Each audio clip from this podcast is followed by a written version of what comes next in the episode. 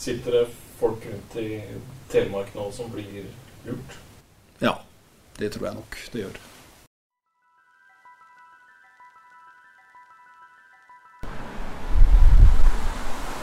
Nå er jeg på en sånn jobbkonferanse i Bodø. Og så har jeg egentlig venta på at eh, Pascal skal svare meg noe mer. Og det har han gjort mens jeg satt på den eh, konferansen nå. Sitter og hørt på foredrag og sånt, og så så jeg at det kom en eh, en mail, men så fikk jeg av en eller annen grunn så fikk jeg ikke lest den på telefon.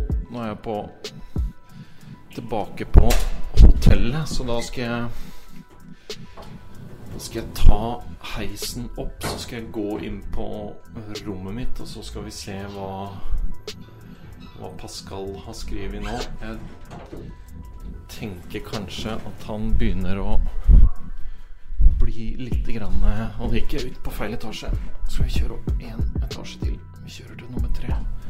Jeg tror kanskje han begynner å bli litt eh, Litt utålmodig nå, rett og slett.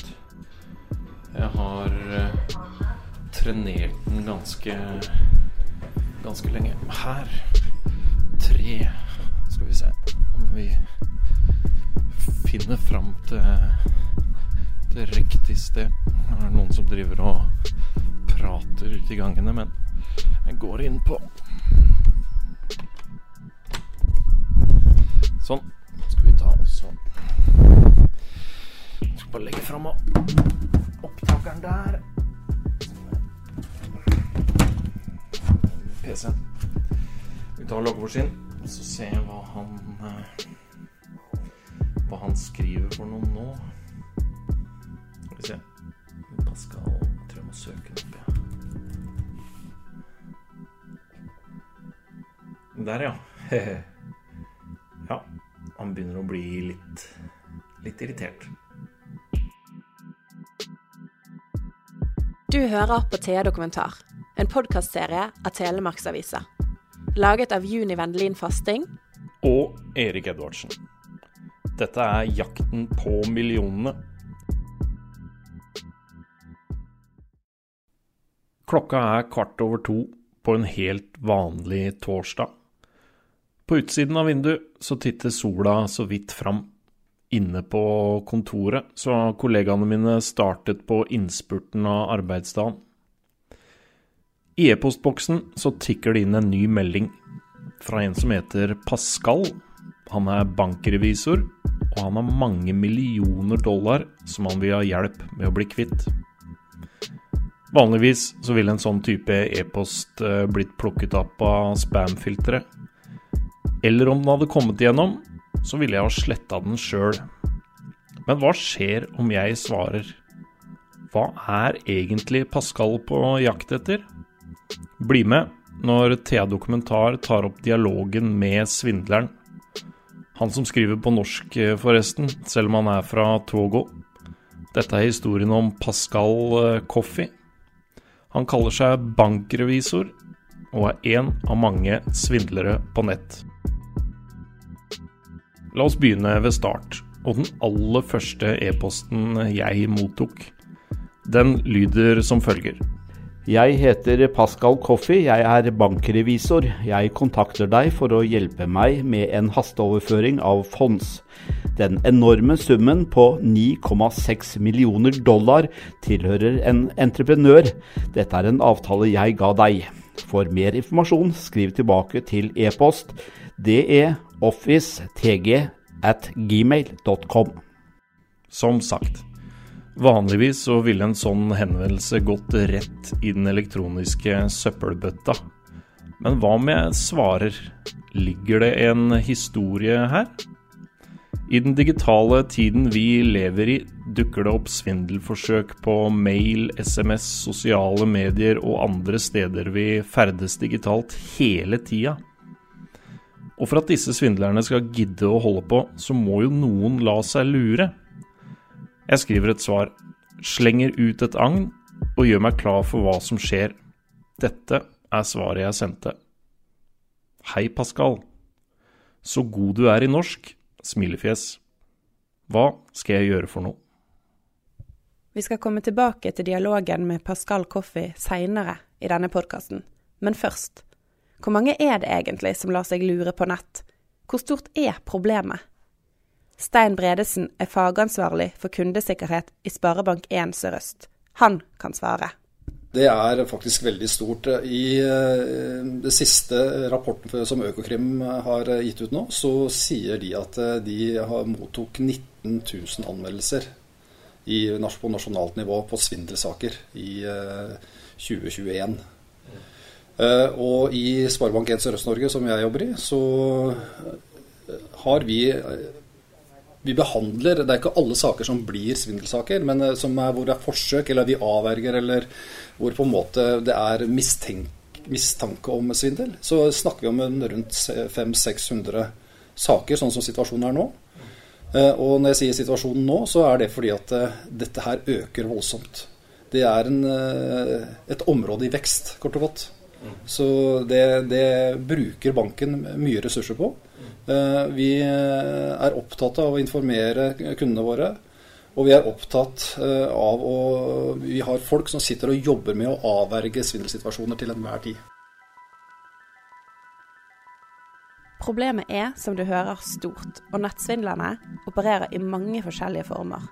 Men før vi hører mer fra Stein i banken, og før vi går videre med historien om Pascal Coffey, så skal vi gi deg et lite bakteppe. Et dykk i historien, om du vil. For mange av dagens svindelmetoder og fremgangsmåter de kommer fra det klassiske Nigeria-brevet. Nigeria-brevet det skriver seg tilbake til 1970-tallet og ble sendt enten i form av vanlig brev, telex eller telefax. Mottakernes navn hadde svindlerne vanligvis hentet fra en bedriftskatalog. Svindlerne de utga seg for å være en høyt betrodd nigeriansk statstjenestemann som hadde klart å tilegne seg store pengebeløp på ulovlig vis, og som ba om assistanse for å få disse omsatt i vestlige valuta. Ofte så skulle mottakeren få halvparten av beløpet mot å samarbeide ved å stille sin bankkonto til disposisjon. De mest åpenbare svindelforsøkene de gikk ut på at mottakeren skulle oppgi sitt bankkontonummer, og så skulle de sende sitt firmas brevpapir kun med en underskrift. Det økte voldsomt i volum fra midten av 1990-årene, men da var det som e-post. På tross av navnet så kan Nigeria-brevene komme fra så forskjellige land som Nigeria, Uganda, Irak, Nederland og USA. De opererer også i land som Storbritannia, Spania og Nederland. Noen eksakte tall det er ganske vanskelig å finne her, for dette her det er svart økonomi på sitt aller verste. Svindlerne de kan være løst organisert, men det finnes også profesjonelle bander som drar inn store beløp på sånne svindeltilfeller hvert eneste år. Det finnes også historier om svindelofre som har blitt drept og da er det gjerne fordi de har reist ned for å møte svindlerne i et sånn desperat forsøk for å få pengene sine tilbake. OK, da har du litt av bakgrunnen, og du har sikkert hørt en del av dette her før. For det er ganske kjente, disse brevene. Men nå skal du få høre en historie som du garantert ikke har hørt før. Det er en historie om en som faktisk sendte penger til en av disse her som tok kontakt fra andre siden av verden. Theas sjefredaktør Ove Meldingen han svarte på en forespørsel om penger. Og hans historie, den går sånn som dette her.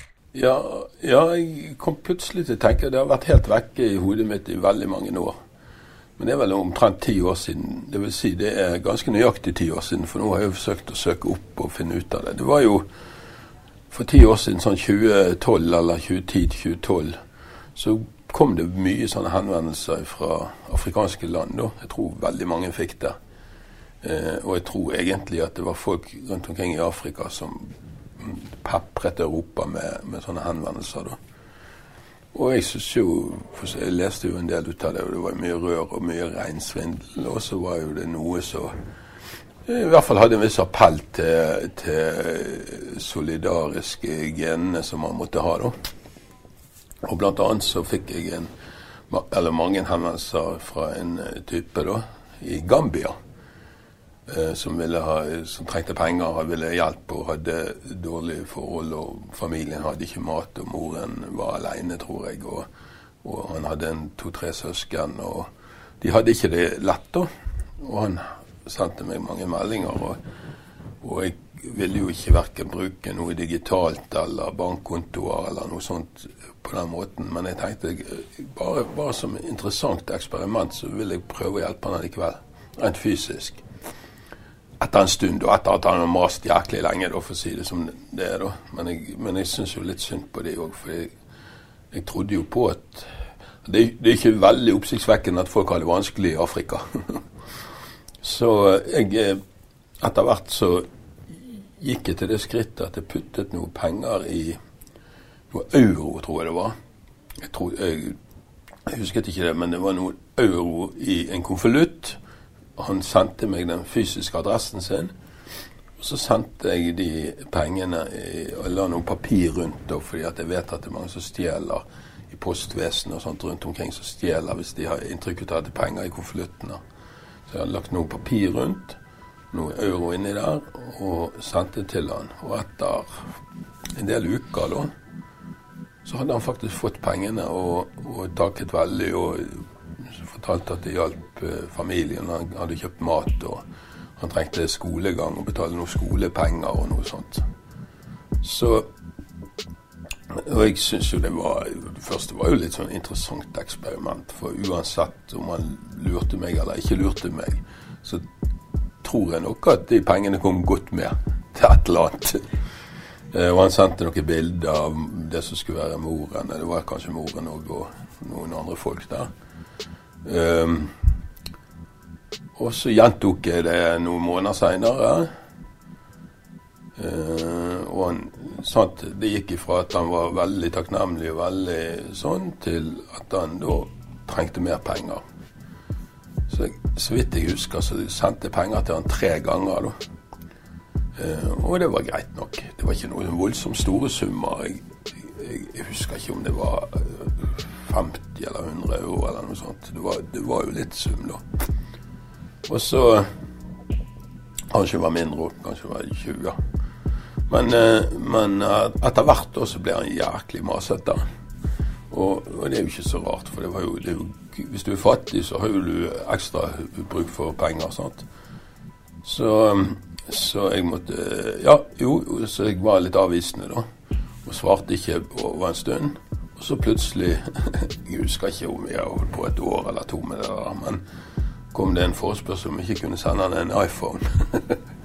og da, avsluttet jeg vår, eh, vårt eh, lille prosjekt. vårt private hjelpeprogram i, i Gambia. Eh, så jeg, jeg føler meg ikke lurt i det hele tatt. Absolutt ikke. Og jeg tror kanskje pengene kom til nytte. Eh, men det er jo sånn at eh, de, de folkene som driver med det der, sikkert sender, sender ut sånne meldinger i hytt og pine, og så får jo napp. Det er jo alltid noen tullinger rundt omkring, sånn som meg. Eh, men hvis det, hvis det, var riktig som han skrev en gang, at han har kjøpt en sekk med ris til familien sin, så var det vel verdt pengene. Helt opplagt. Men så begynte dere å jobbe med dette, da og jeg begynte å søke på det for å forsøke å finne tilbake. Jeg husket ikke helt hvor det var, eller sånt, men, men det dukket opp. Og så søkte jeg på denne typen, da. Og der er jo han avbildet med en veldig tøff mobiltelefon og driver nå som selvstendig næringsdrivende. Takker alle. alle. Det var nå greit nok. Og så eh, driver han med noe Jeg lurer på om det var noe hjelpearbeid mot noe finske greier. Det så ut som det var noe finsk som sto der. Så han har funnet seg en nisje. og det er jo fint, det. Men det så i hvert fall ut som det har gått bra med han. Og det er jo jeg glad for. Men eh, hvorfor, hva tror du er grunnen til at folk på en måte biter på sånne som kommer på mail eller Messenger eller hvor det skal være? Nei, Det er jo flere ting. da. Noen ganger så blir du lovt noen store summer. sant? Eh, at du kan vinne et eller annet. Det er vel omtrent samme instinktet som når vi tipper Lotto. Eh, noen ganger så er det folk som har eh, romantiske ambisjoner, vil jeg tro.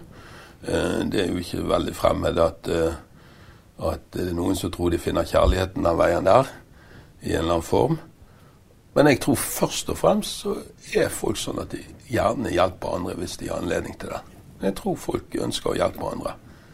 Eh, sånn, jeg, jeg, har prøvd å hjelpe folk eh, opp gjennom når jeg har hatt muligheten til det. Men jeg har jo funnet ut at Kirkens Bymisjon i Porsgrunn er en veldig grei måte å gjøre det på. Men det er klart at det blir òg på en måte litt egoistisk. Vi, vi, hjelper kun folk her, men vi vil ikke hjelpe folk andre steder. Så, så det er jo innsamlingsaksjoner. Det er mange steder du kan hjelpe, og det er fint. Men jeg syns jeg syns det var litt å lære ut av det der greiene den gangen. fordi at det gikk altså an å putte penger, euro, i en konvolutt og sende til Gambia i eh, Vest-Afrika. Og, eh, og, det nådde i hvert fall frem til han som ba om det. Vet du noe om hvordan han fant akkurat deg? Jeg tror ikke han fant akkurat meg. Jeg tipper han sendte sånne meldinger til tusenvis. Jeg har ikke funnet noe connection mellom mellom uh, han og meg, annet enn at det bare dukket opp sånn. Men uh, det er klart at uh, du, går sikkert på vennelista til ja, whatever. sant? Ikke det de sier, at du er bare fire eller fem step unna omtrent alle i verden. Kanskje det var seks. Og, og det er jo ikke så jæklig vanskelig. Jeg har jo venner fra Afrika og afrikanere i Norge som jeg har som venner. og Eh, noen afrikanere i familien. Så det kan jo godt hende at jeg Jeg vet ikke hvordan det skjedde, men eh, det spiller i og for seg ingen rolle, da. Jeg kjente ingen fra Gambia, da. Så, så Men eh, kjente mange fra Ghana. så kanskje det var, det var der det, den veien det kom, da. Men hva som gjorde at du Du sier jo at du har fått flere henvendelser rundt omkring, og det var vanlig. Hvorfor svarte du akkurat han? Nei, det husker jeg ikke. Eh, jeg syns var synd på noe. Eller kanskje han var eh, Etter 20 meldinger så tenkte jeg sånn at det, Så vidt jeg kunne se, så var jo svaret med sånn How are you? Og jeg har sånn oppriktig talt alltid vært interessert i mennesker, hvordan folk lever andre steder. Og jeg har, jeg har hatt kontakt med masse folk, jeg altså, Det er ofte interessant. Og, så, og ofte er jo det helt ærlige folk som bare syns det er gøy å være i kontakt med andre. Og så er det noen som tigger og sånt. Så, sånn er jo livet. Men det er ikke så ulikt de som var sånn radioamatører før. Som syntes det var supert å sitte og snakke med noen Nizjnij Novgorod eller noen i Kuala Lumpur. sant? Eh, og Sånn er jo det litt med internett òg. Så det er jo bare greit nok, det. Altså, jeg, jeg har veldig tro på Jeg har virkelig stor tro på kontakt mellom mennesker i, ulike kulturer og ulike verdensdeler. og sånt. Jeg har jo hatt noen av mine beste venner i nesten 30 år nå på Cuba. Stort sett de fleste av de rømt fra Cuba, da de bor i Mexico og Miami og Tyskland og Spania og alle andre steder. Da. Men, eh, og det har jo vært eh, noe som både har beriket livet mitt og, eh, og gitt meg helt andre perspektiver. Forsøk å forstå at folk som lever i andre land, har ikke det beskyttede og gode livet som vi tross alt har i Norge. Men òg at de har perspektiver som vi har godt av å få innsikt i. da. Eh, dessuten er jo folk folk. Sant? Uansett hva farge de har eller hva språk de snakker. så Folk er folk, og de fleste er ganske bra folk. Men Betyr dette at du tenker at flere burde svare på slike henvendelser? Nei, det betyr det ikke. Men, uh, det betyr det ikke. Men hvis noen føler trang til å, å, å, gi noe, så bør de i hvert fall ikke åpne for de digitale tingene. Sant? Det er jæklig vanskelig å kontrollere. Men de fysiske tingene, hvis du tar noen dollar og putter opp i en konvolutt, så er det veldig begrenset hva som eh, kan gå galt.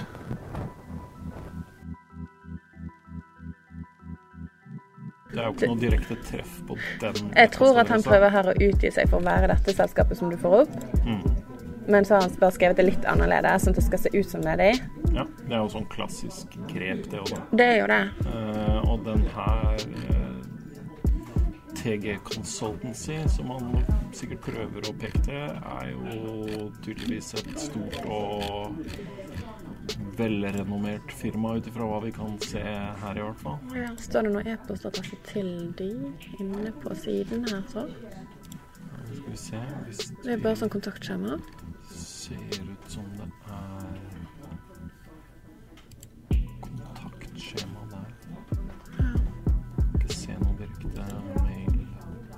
Men det er jo Han prøver jo her tydeligvis også å legge seg Å ljuge, men å legge seg nært opp til noe som Mm. kan være riktig, liksom. Og så ser jeg her at det, i midt i mailen står sånn merk med store bokstaver. Alle meldinger du mottar fra banken via e-postadresse, informer meg alltid, slik at jeg gir deg beskjed om hva du skal gjøre inntil fondet er frie til deg. Så han vil ha full kontroll. Han skal ha full kontroll. Han skal ha Selv om det sikkert er han som sitter i andre enden av den e-posten. Skulle jeg gjettet. Det mistenker jeg veldig. Men vet du hva vi kan prøve på å gjøre? Vi kan prøve å sende en mail Ja. til eh, den banken Mm. eh, som han har oppgitt, og så spørre om de er eh, klare til å motta søknadsbrevet mitt. Ja, til det e-post. Mm, så kan jeg henvise da til Ja. Pascal, Så ser vi hva de sier. hva de sier for, For det, han må jo ha oppgitt en e-postadresse til noe som noen svarer på. Ellers er det jo ikke vits i for han Mm. Uh, regarding uh, Money. money. ja. Uh, eh, business. Mr. Pascal Coffee. Ja. Da Skal jeg skrive på engelsk eller skal jeg skrive på norsk? Nå har jeg Oi. skrevet på Pascal er veldig god i norsk. Han er jo det. Overraskende god i norsk. Det er et veldig godt spørsmål. men stoler vi på at uh, Det bankforbindelsen som hans er er veldig gøy, er jo hvis du skriver på norsk. For de også svarer på norsk. Ja, skal vi prøve på Jeg vil prøve på norsk først. For hvis, altså, hvis de også svarer på norsk, så er det på Da må man prøve hardere, altså. Ja, for du går Du har laget deg et lite sånn dekknavn. Har et lite alias eh. Veldig vanskelig å skjønne at det er deg. For til vanlig heter du Erik Edvardsen, men i denne dialogen så er det van der Edvardsen. I denne verden så har jeg lagt til et fander i midten. Det syns jeg passer eh, Ja. veldig bra. Det høres jo litt mer som businessaktig ut. Mitt navn er Erik Fander Edvardsen. Jeg eh, driver business eh, sammen med min gode venn Pascal Coffey. Han ønsker nå å få meg få Tilsendt meg med millioner. på en overføring av 9,6 millioner Det-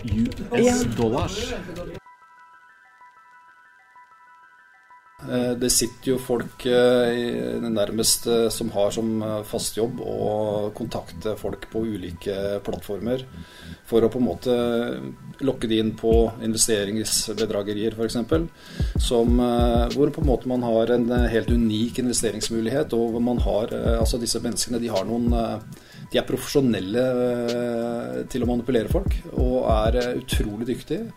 Eh, og vil kunne lure deg til å sette penger inn på en, eh, et investeringsobjekt.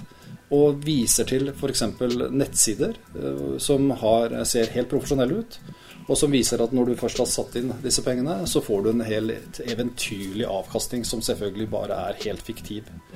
Og så blir du dratt med i et sånt et eh, løp hvor Eh, Man eh, anbefaler nye investeringer, eh, og at hvis man innbetaler og gjør sånn og slik, så vil på en måte avkastningen øke, og så er man blitt dratt inn i mølla. Og etter hvert så vil jo det bli vanskelig og vondt for offeret å innse at det, her er Dette eh, får jeg litt sånn dårlig følelse av, men jeg, jeg tør liksom ikke la være. da. Jeg er redd for at jeg skal miste eh, den gevinsten osv.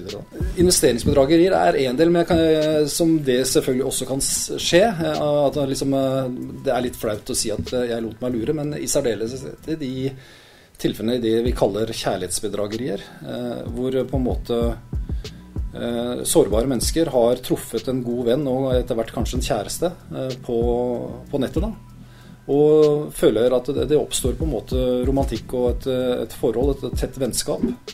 Eh, og så er det sånn at eh, man blir manipulert, da. Eh, og man, eh, svindleren kan gjerne holde på eh, et par måneder og bygge en veldig tett relasjon. Og så skjer det da etter hvert at eh, han eller hun, svindleren, plutselig får behov for å låne noen penger. eh, og, eller at man eh, befinner seg et sted hvor man ikke kan få betalt det man ønsker å gjøre. og Så kan du hjelpe meg å få gjennomført disse transaksjonene osv. Og, og så baller det seg på, den ene etter den andre, og så har man på en måte allerede kanskje utbetalt store summer. Og dermed så er man da eh, lurt opp i stry, og det vil jo være vanskelig, kanskje spesielt i disse tilfellene, å innrømme det overfor eh, familie og, og venner osv. Stein er inne på det med å bygge en tett relasjon. Det er ganske tydelig at min nye venn Pascal Coffey prøver å gjøre det med meg. Han spør hvordan det går med familien min, han lover å komme til Norge for å feire når transaksjonen vi gjør sammen er gjennomført, og han maser, maser, maser, maser. Jeg holder dialogen med han over et par uker, utsetter og unnskylder mens jeg prøver å få han til å avsløre litt mer om seg sjøl, det er vanskelig.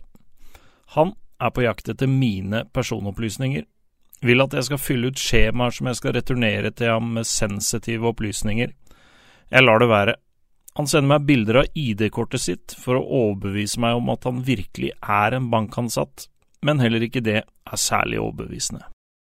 Det er jo Altså, phishing eh, er et fellesnavn for mange ulike typer fiskemetoder for å fiske informasjon. Eh, og det er eh, spesielt SMS, e-post og også sosiale medier. Der man forsøker å lure folk til å klikke på lenker og, og på den måten gi fra seg informasjon. Da. De er på jakt etter i phishing-sammenheng å få tak i gjerne din bank-ID, sånn at de kan logge seg på nettbanken din og tappe den for penger. Det er, liksom, det er den mest vanlige, vil jeg si. Og det kan skje, som jeg så vidt var innom, enten ved at man får den informasjonen får svindleren tak i, eller at svindleren lurer offeret til å gjøre det selv.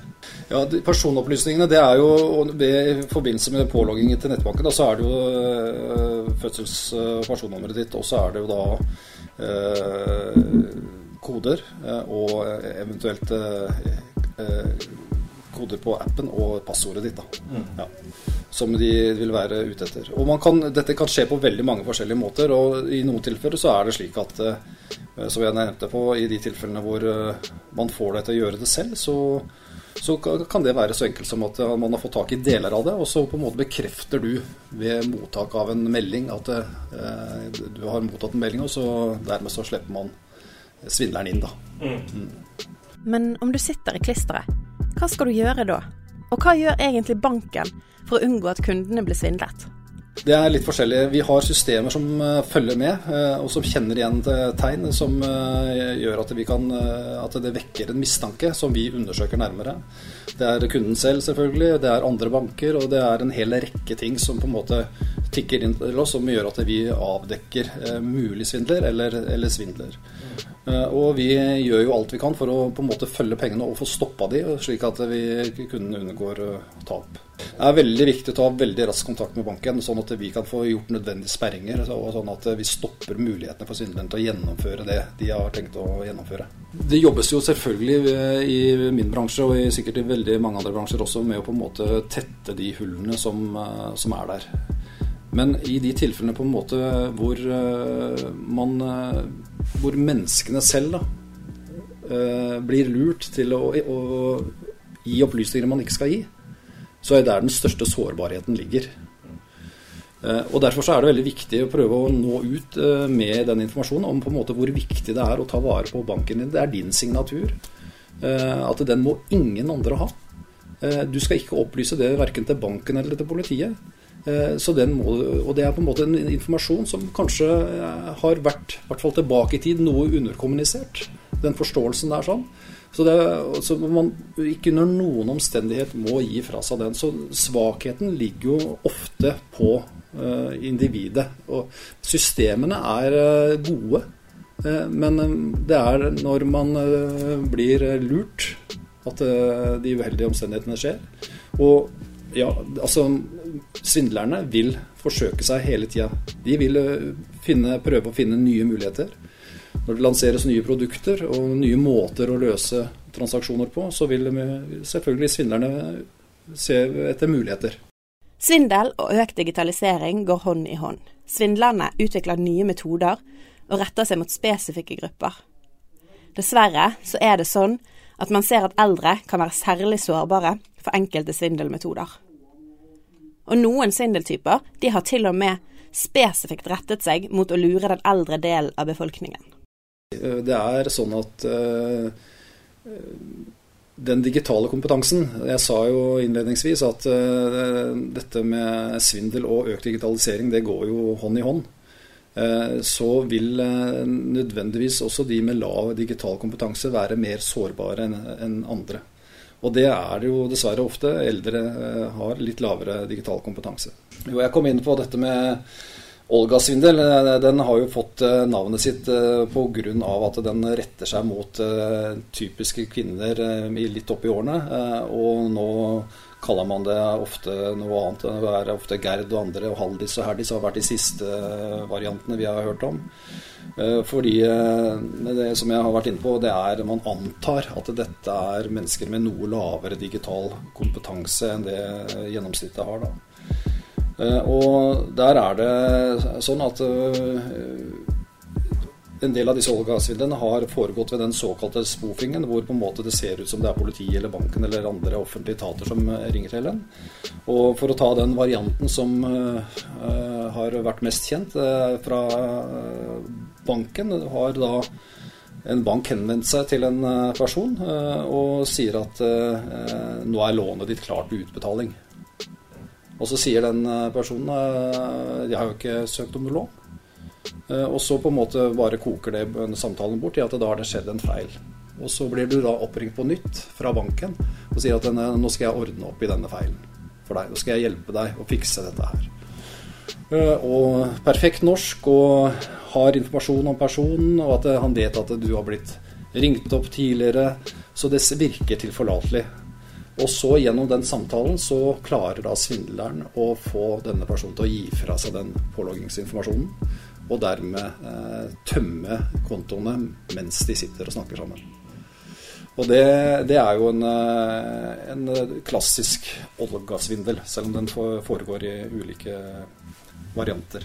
Da har du hørt litt om hvordan banken jobber.